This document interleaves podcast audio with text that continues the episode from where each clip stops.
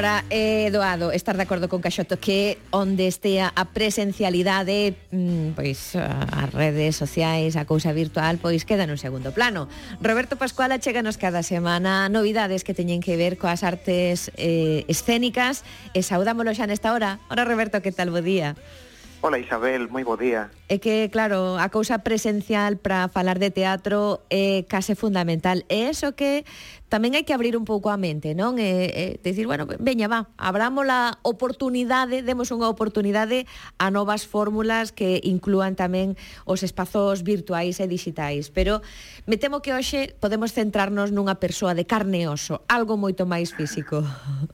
Sí, sí, sí, dende logo, eh, por moitas innovacións que haxa, nas artes escénicas, o revolucionario seguirá sendo o poder da presencialidade dos corpos eh, e da palabra no momento do aquí e do, e do agora. Pero hoxe imos ir a outra materia que é a do libro teatral eh, para descubrir, polo menos eu, a un dramaturgo que se chama Fernando Castro Paredes, que é mm, asturiano, eh, está afincado en C.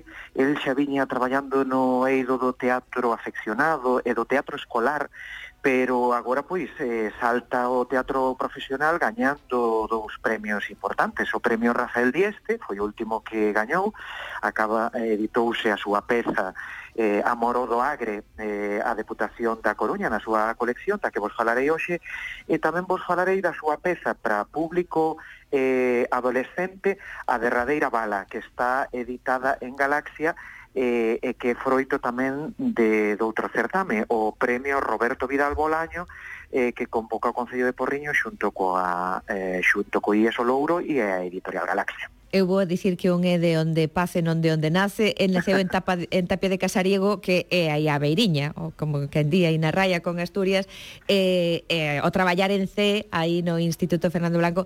Bueno, total, que o facemos daqui da casa. Centrámonos daquela Sí. Sabes o que é mellor, Isabel, que o, o manexo da lingua é un, que é unha ferramenta moi importante para o teatro, evidentemente, sí. eh, para a literatura, pero para o teatro fundamental pois é, é maravillosa. Entón, por suposto, carné de galego, é de bo galego con este manexo da lingua. E, e te razón, porque ademais nestes premios que acabas de citar é unha das cousas que valora o xurado, non? A maneira que ten de desenvolver eses diálogos, eses textos nun, nun galego mm, ben escrito. Sí, unha das cousas. Eh, a outra, no caso do, do certame Roberto Vidal Bolaño, é que sexa interesante para un colectivo que ás veces, xa o teño dito en algunha colaboración, pois sitúa un pouco nas marxes, un pouco esquecido dentro da, da creación, da produción profesional das artes escénicas. Ese público adolescente que se pode enganchar tamén ás artes eh, eh, como, como, por exemplo, as artes da representación, como, por exemplo, con esta peza, unha peza que fala da destrucción, da traxedia inexorable da guerra, pero tamén do poder salvífico da, da arte. As situacións dramáticas que crea en a derradeira bala Fernando Castro eh, permiten o autor dende a comedia, unha comedia ás veces farsesca, outras con certo ton expresionista, un pouco na liña desas pezas da nosa tradición da xeración abrente, pois permítelle reflexionar críticamente, como facían algunhas desas pezas, sobre o militarismo, sobre o férreo uso das normas, sobre a disciplina, sobre a cadea de mando e a oposición liberadora da música. Temas, dende logo, moi interesantes para ese público que está conformando a súa personalidade, o público adolescente. E con, con moita retranca, non? Me parece que ten este texto no que que Luciano é, é o protagonista. Sí, Luciano é o protagonista deste conflito. Eh, un conflito por eh, querer eh, desertar da trincheira, abandonar a guerra. É o que quere dedicarse ás artes e tocar a música. Claro, iso os seus superiores militares pois parecelle unha deserción e condenano por iso. Provocase un xuizo, pero un cisma tamén entre o sarxento e a comandante. Ante o silencio do inimigo, eh, o protagonista consegue convencer a unha parte para a súa liberación, pero non a outra. Eh, alguén morre por iso. Ou preguntámonos, morrerán todos? Porque a última bala gástase eh, no mesmo bando, aínda que de pouco serviría para contrarrestar as bombas que chegan de imprevisto por parte do inimigo, sempre asediantes, ante o único escudo da música que ten Luciano. Agradecemos un pouco de literatura que teña como temática o teatro. Neste caso, a recomendación hoxe Roberto é esta publicada por a Editorial Galaxia, a de Redeira Bala de Fernando Castro Paredes e tamén querías recomendarnos Amoro do Agre.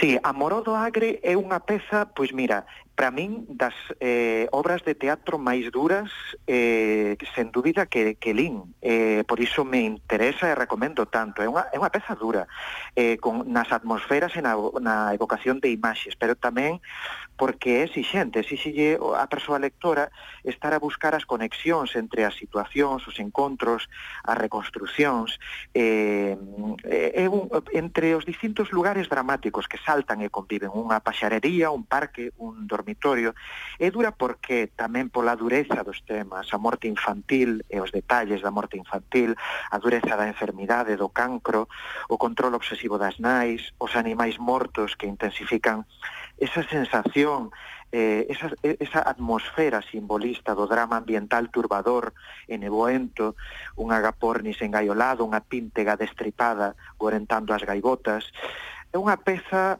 eh, que fala pois eh, con eses encontros no parque, a calceta na peixería, a celebración do aniversario, que son situacións aparentemente normais na vida de, de familias eh, nunha cidade, pois lévanos a profundidade de vidas asolagadas, feridas, tocadas pola morte, pola traxedia. Amoro do Agre, do profesor e escritor Fernando Castro Paredes, que mm, non esquezamos, foi gañador da 19 edición do Premio Teatro Rafael Dieste da Deputación da Coruña, quen publica agora esta peza, e para conseguila é doado, Roberto, tanto Amoro do Agre como a derradeira bala pois eh, as pezas de teatro non é moi doado conseguilas. Eh, nas librarías ás veces pois teñen que pedilas, pero pero eu eh, convido a todo o mundo que as nosos libreiros e as nosas libreiras eh, nos atenden con moito cariño e sempre que lle pedimos unha peza de teatro, ainda que tarde un día, pois seguramente non, non la van conseguir.